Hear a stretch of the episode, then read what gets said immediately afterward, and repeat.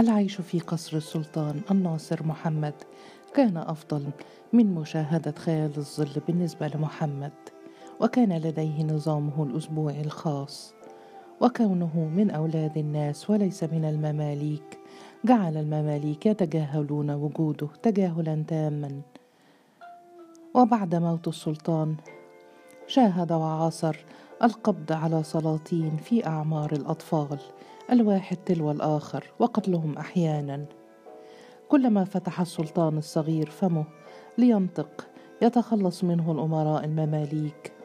فبالنسبة لهم هو ابن ناس أيضا وليس من المحاربين ولا من المدربين ولا من المماليك. كان المشهد يتكرر وفي البداية فزع منه محمد وقرر الرحيل عن القصر ثم اعتادوا وتوقعوا. وعندما شاهد الحسن الابن الصغير للناصر محمد وهو مجرور ومكبل ورأسه مغطى بغطاء أسود شعر بشيء من الغصة. فقد كان يعد الحسن أخا صغيرا بريئا وتلقائيا ويعشق الحياة ولم يكن يستحق هذه القسوة. ولكنه كغيره من السلاطين حاول أن يكون صاحب قرار فانتهى أمره إلى السجن.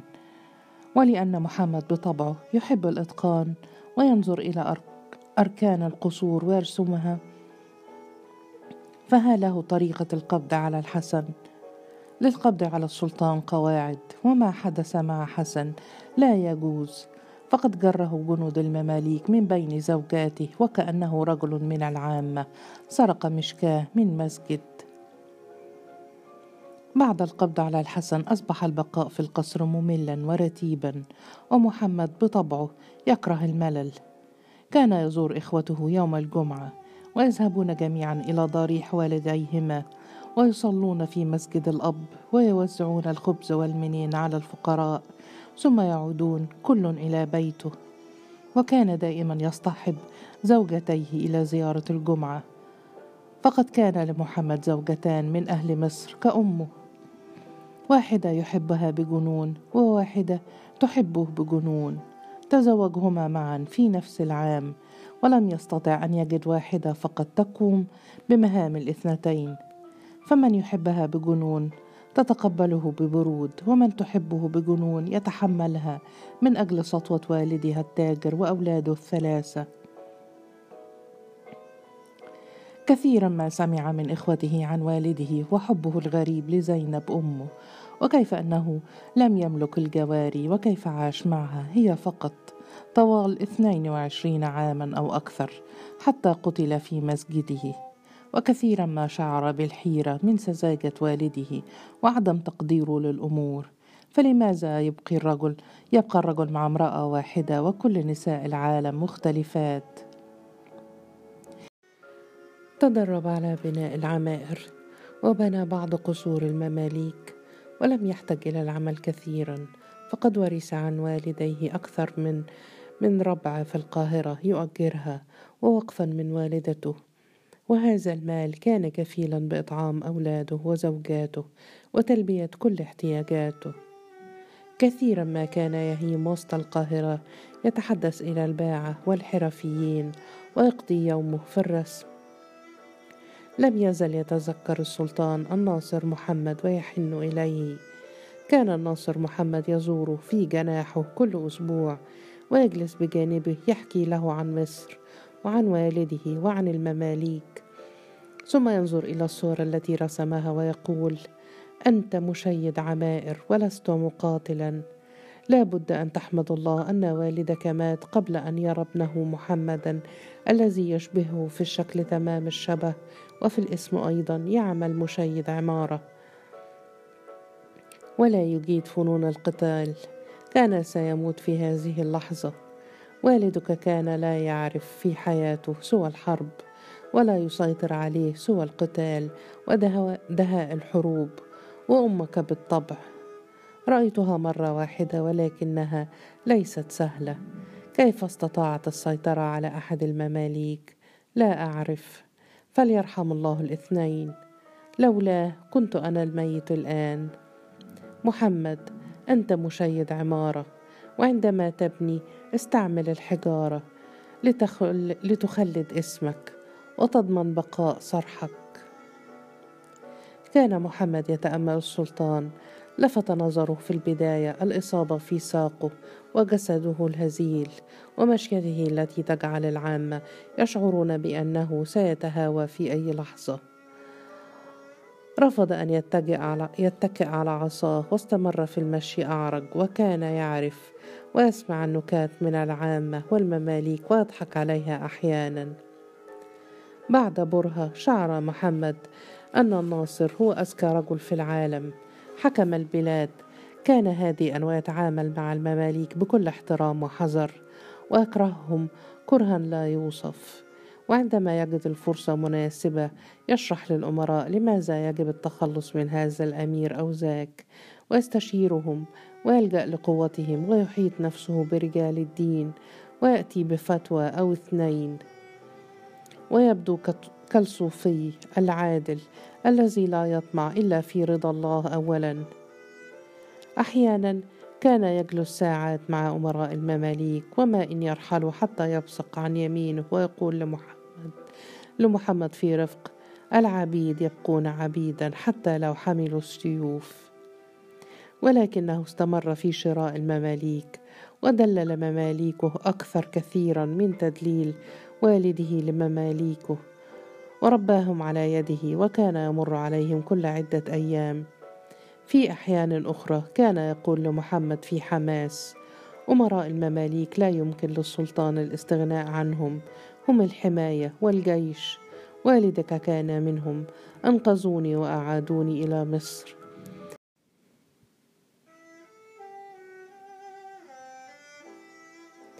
بعض المماليك لم يأتي مثلهم في الورع والشجاعة في تاريخ المسلمين.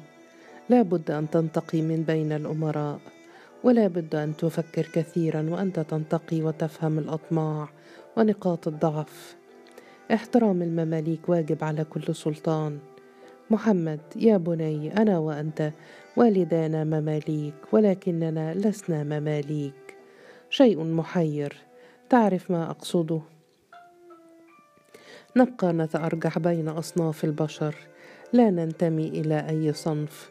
لا أنا أقوى على القتال المستمر ولا أنت تهوى القتال ومع ذلك شيء يجمعنا. أعتبرك أعتبرك ابنا لي يا محمد.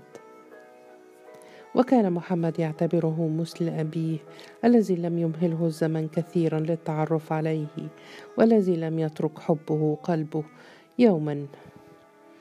كان يتوق إلى نظرات والده. وصوته القوي ورائحته المريحة ولم ينس هذه الأشياء يوما ولم يزل يتذكر لحظات بينهما يرسمها في إتقان مشيد العمارة الماهر. رسم بعد وقت صورة لوالده على على ظهر الفرس وصورة أخرى له وهو يمتطي الجواد وحده ووالده ينظر إليه في فخر. أما تعلقه بالناصر وإعجابه به فقد زاد يوما بعد يوم. وكان الناصر يعامله كأبنائه بالضبط بل أحيانا كان يشعر بأنه يفضله على بعض أبنائه واستمتع بالكلام معه ساعات. تذكر وهو طفل صغير ينظر لقدم الناصر الناصر وكيف أن الناصر لا يستقيم في مشيته. ويوما جلس الناصر بجانبه وقال ما رأيك في قدمي المشوهة؟ تعرف هذا هذه الإصابة ما سببها؟ هز رأسه بالنفي في ارتباك فقال الناصر كنت أتدرب مع معلمي وأصبت هكذا ولكن لم يحتاج القائد لما يحتاج القائد إلى قدم سليمة؟ هو العقل السليم الذي يحتاجه القائد. لا أحاول أن أتكئ على عصا لأن العامة تطلق علي لقب السلطان الأعرج. أعرف ويعجبني الاسم. أجمل شيء يا بني أن تتعلم أن تحب نفسك كما هي ولا تحاول تغييرها لترضي أحد.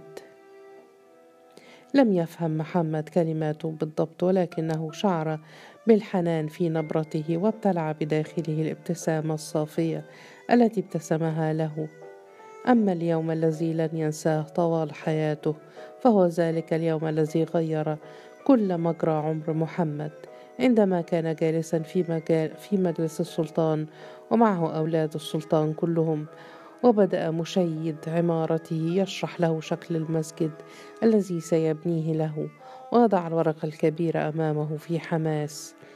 استمع له الناصر محمد وعندما انتهى هز رأسه بالإيجاب ثم قال اقلب الورقة بدت الدهشة على الرجل ثم نفذ أوامر السلطان فأمسك السلطان بدواته وقلمه وبدأ في الرسم على الورقة في بطء وإتقان ومحمد ينظر من مكان من مكانه في فضول ثم بدأ محمد يتحرك باتجاه الورقة ويتسلل.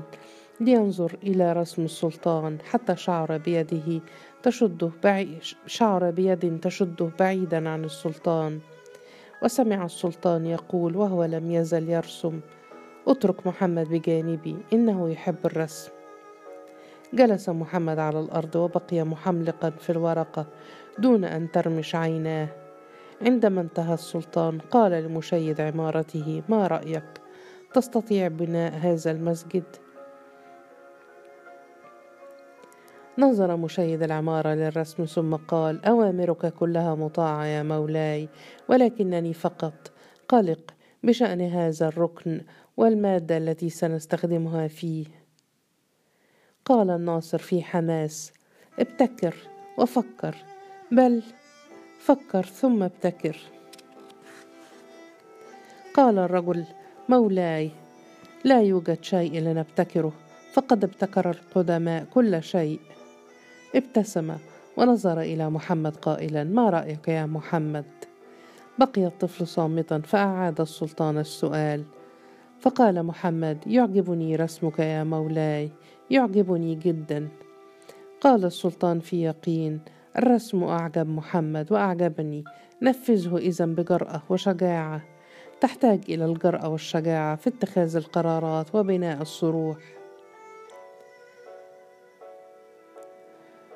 أمر مسجد الناصر محمد كان يشغل محمد الصغير يوما بعد يوم وكلما سنحت الفرصة كان يسأل السلطان ماذا حدث للمسجد؟ وكان السلطان يشرح له ما يفعله مشيد العمائر. وعندما انتهى المسجد ذهب مع السلطان لرؤيته وقال في حماس مولاي تصميمك أفضل من تصميم مشيد العمائر. ربط الناصر على كتفه ثم قال تذكر الجرأة في الابتكار. هناك الآلاف من مشيدي العمائر مبدع واحد بينهما جميعا. يطل برأسه كالجن كل مائة سنة أو أكثر.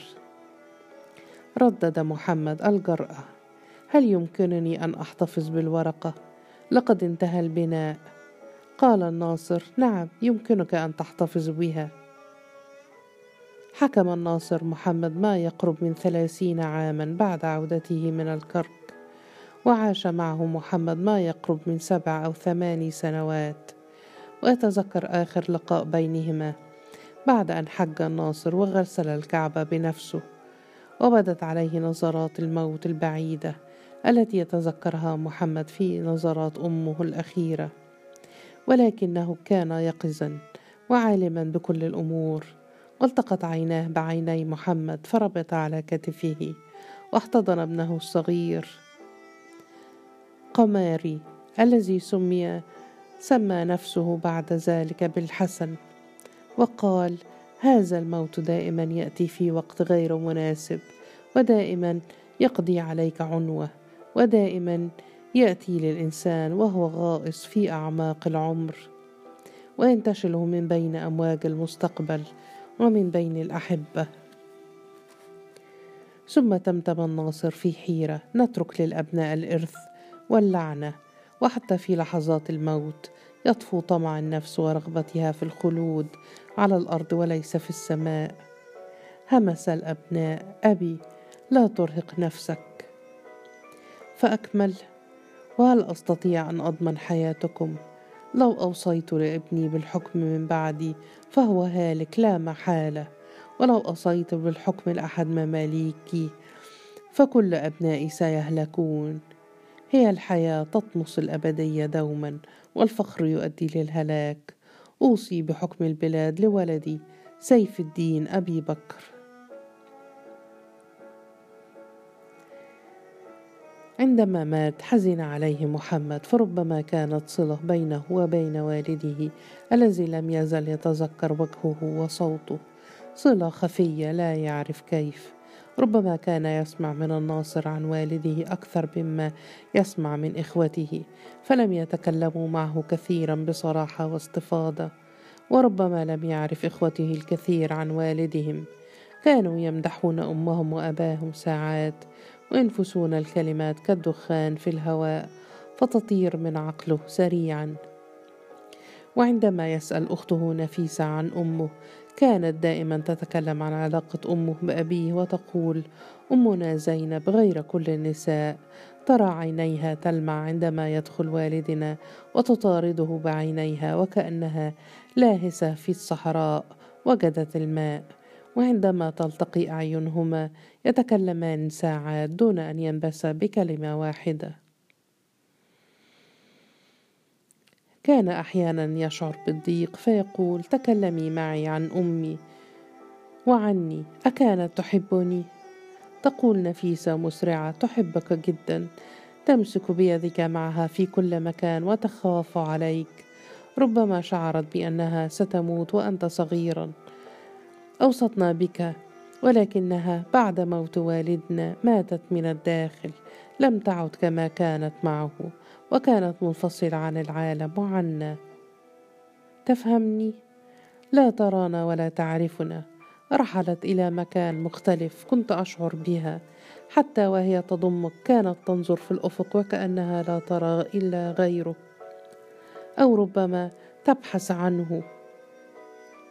توقعت أنها لن تعيش طويلا. أمنا هذه حكاية وقصيدة طويلة. أنت بخير يا محمد. سعيد عند السلطان. لم ترويه كلمات أخته ولم تعجبه سوى كلمات السلطان عن والده وشجاعته ومهارته وتحمله. تدرب على العمارة بإخلاص وإتقان. أحيانا كان يزور مع إخوته ابنة خالة والده والدته فاطمة وكانت الوحيدة التي بقيت من عائلة أمه وكان يحبها ويحب الجلوس معها. تتكلم ساعات عن أناس لا يعرفهم وتحكي عن تاريخ لم يعاصره وتضحك وتغني ويلومها أبناؤها لأنها تفضحهم حتى أمام أولاد الناس. وكانت تحكي له عن أمه وحكمتها وحنانها وكيف رفضت أن يذهب هو ليعيش في بيت السلطان وكيف بقيت معه حتى ماتت وهو في العاشرة. وماتت وهو بين ذراعيها يبكي. الغريب أن فاطمة الغريب في فاطمة أن نفس القصة تختلف كل يوم باختلاف حالتها النفسية ورضاها عن أولادها. أحيانا كانت تسب المماليك وأولاد الناس والعلماء وكل طبقات المجتمع وأحيانا كانت تثني على المماليك وحزمهم ونظامهم وتقول أنه لولا المماليك لفني الشعب وعم الخراب.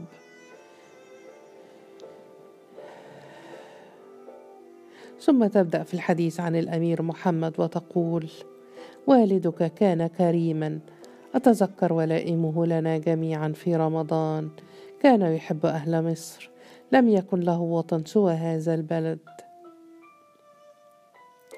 ابن فاطمة الأصغر كان كارها للمماليك منذ الصغر وكان في سن محمد.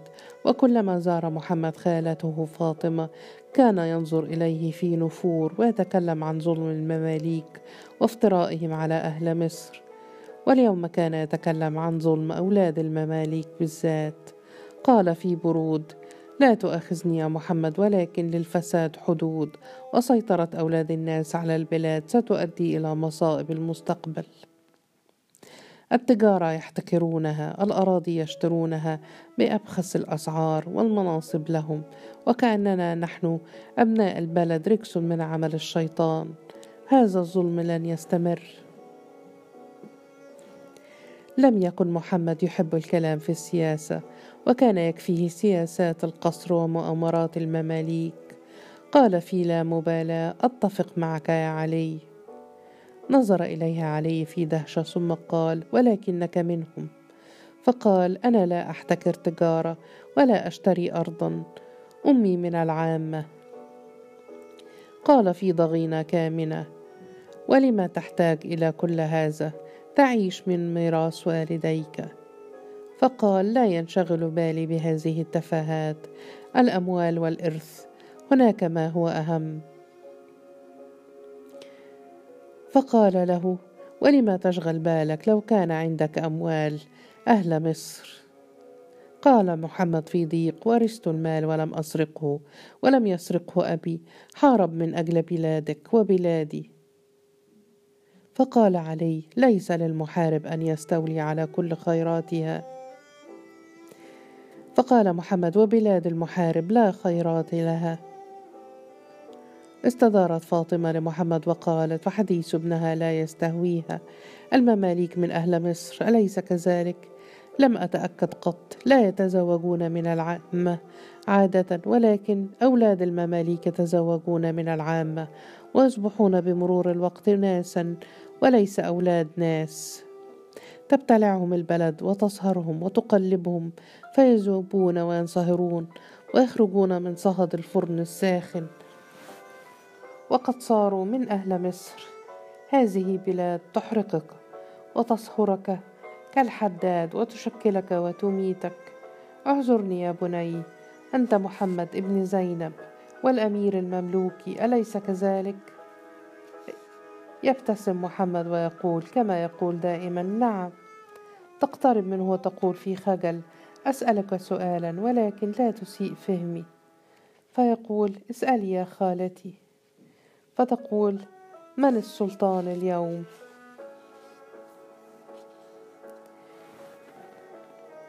كان يجيبها فتهز رأسها ثم تقول من المماليك؟ فيقول نعم. فتقول ولكن المماليك لا يولدون في هذه البلاد. هم محاربون وليسوا سلاطين من بين أولاد الناس مثلك. قال ربما نعم معك حق. من أولاد الناس؟ قالت ولما يتغيرون كل برهة لا يحب المماليك توريث الحكم.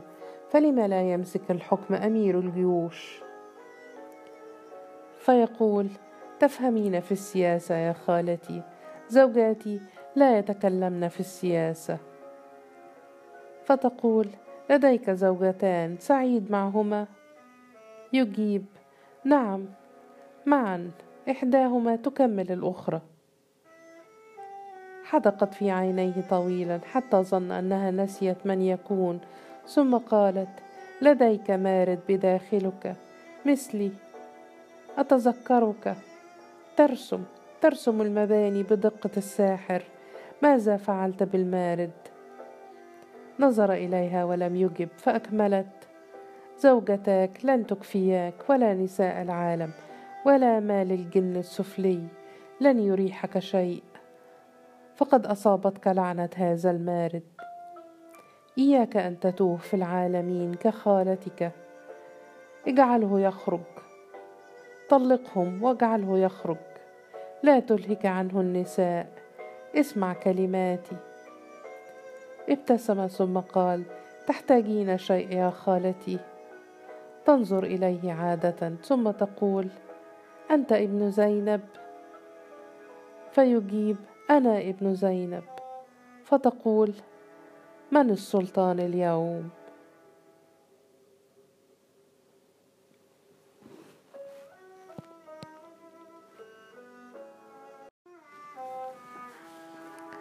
الوباء عبس بالقاهرة كما عبس المغول ببغداد فلم يترك بيتا بلا حزن ولا شارعا بلا نعوش ولا حفرة بلا جثث.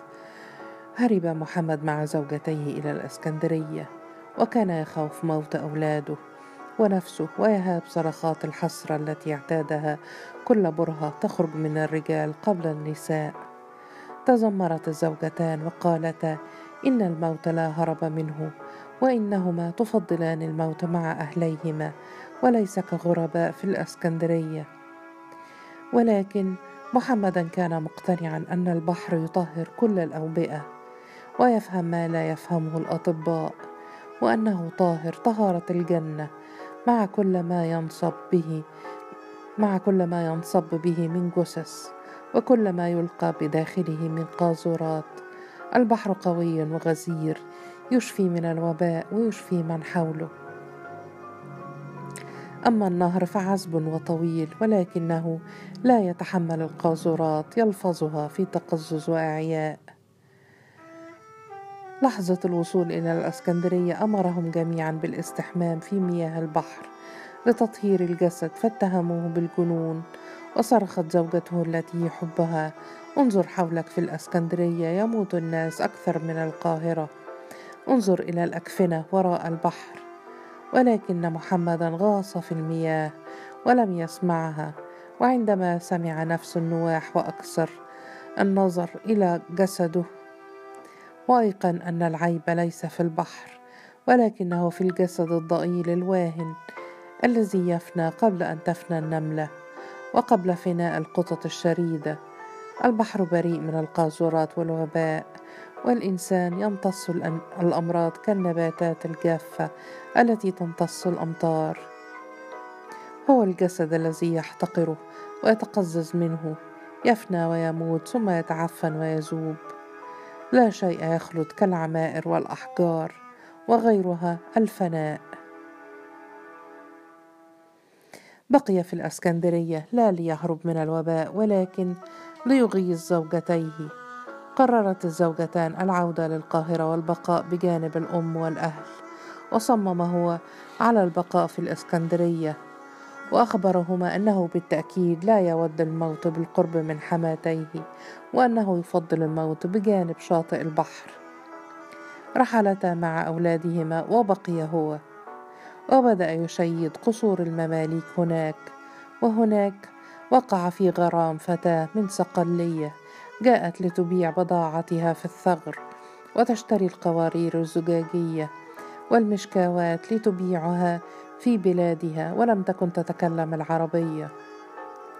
كانت ممتلئة بالحياة وملامحها الحادة تنم عن قدرة قدرة على التصدي للموت وأصابعها الطويلة تشي بإتقان الرسم وممارسته في كل يوم.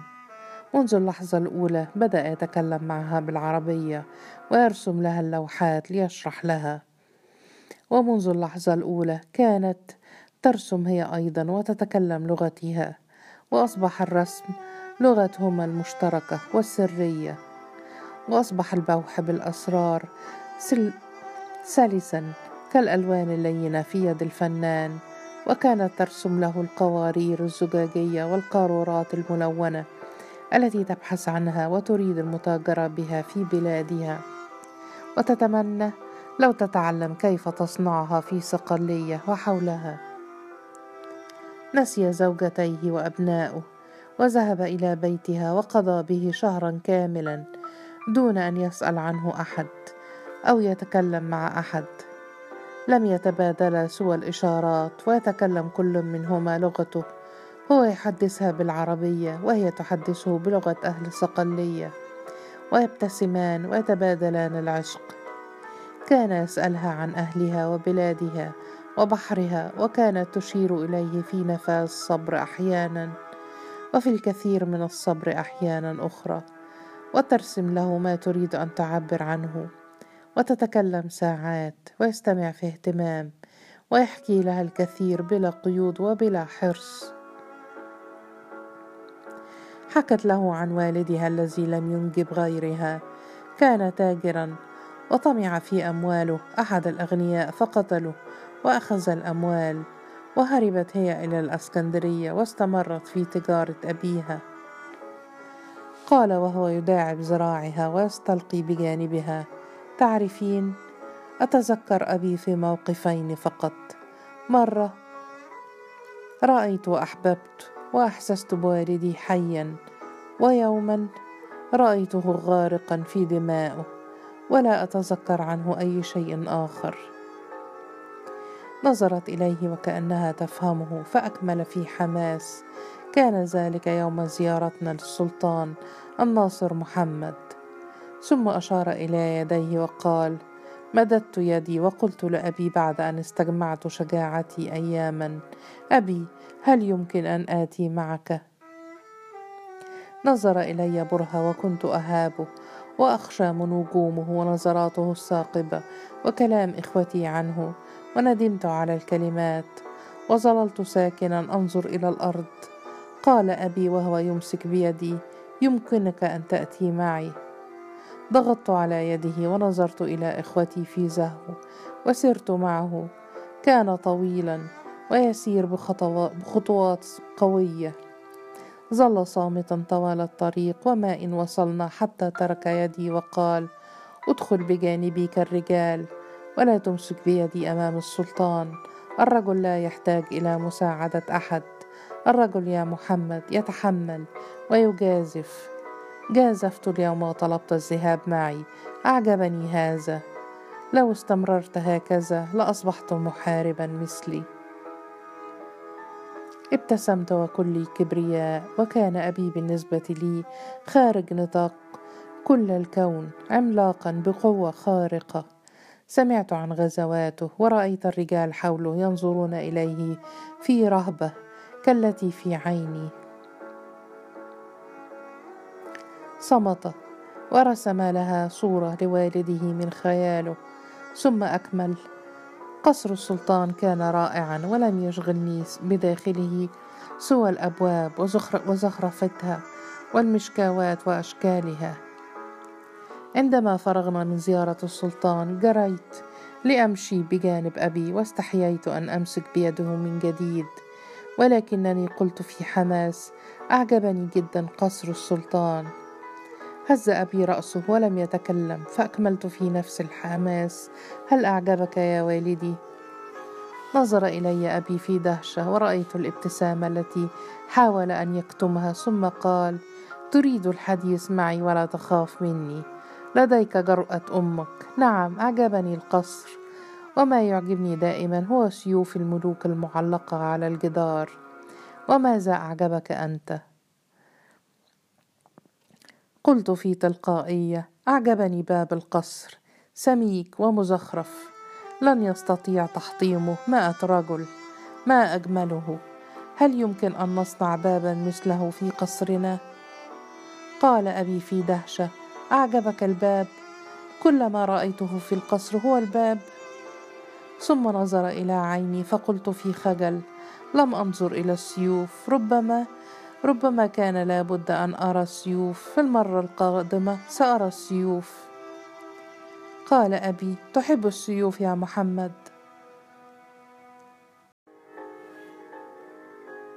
صمت لحظات وكنت أحب أبي في هذه اللحظة. أحبه لأنه لبرهة فتح قلبه وتكلم معي ولأنه كان من عالم آخر قوي ومحارب ولأنه أمسك بيدي ولو برهة ونظر إلى عيني وكأنه يراني ويهتم بي. لا أستطيع أن أكون مثله.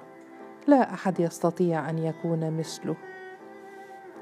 قلت في سرعة أحبها جدا. فقال وهو يربط على كتفي بيده القوية ستكون محاربا مثل أبيك.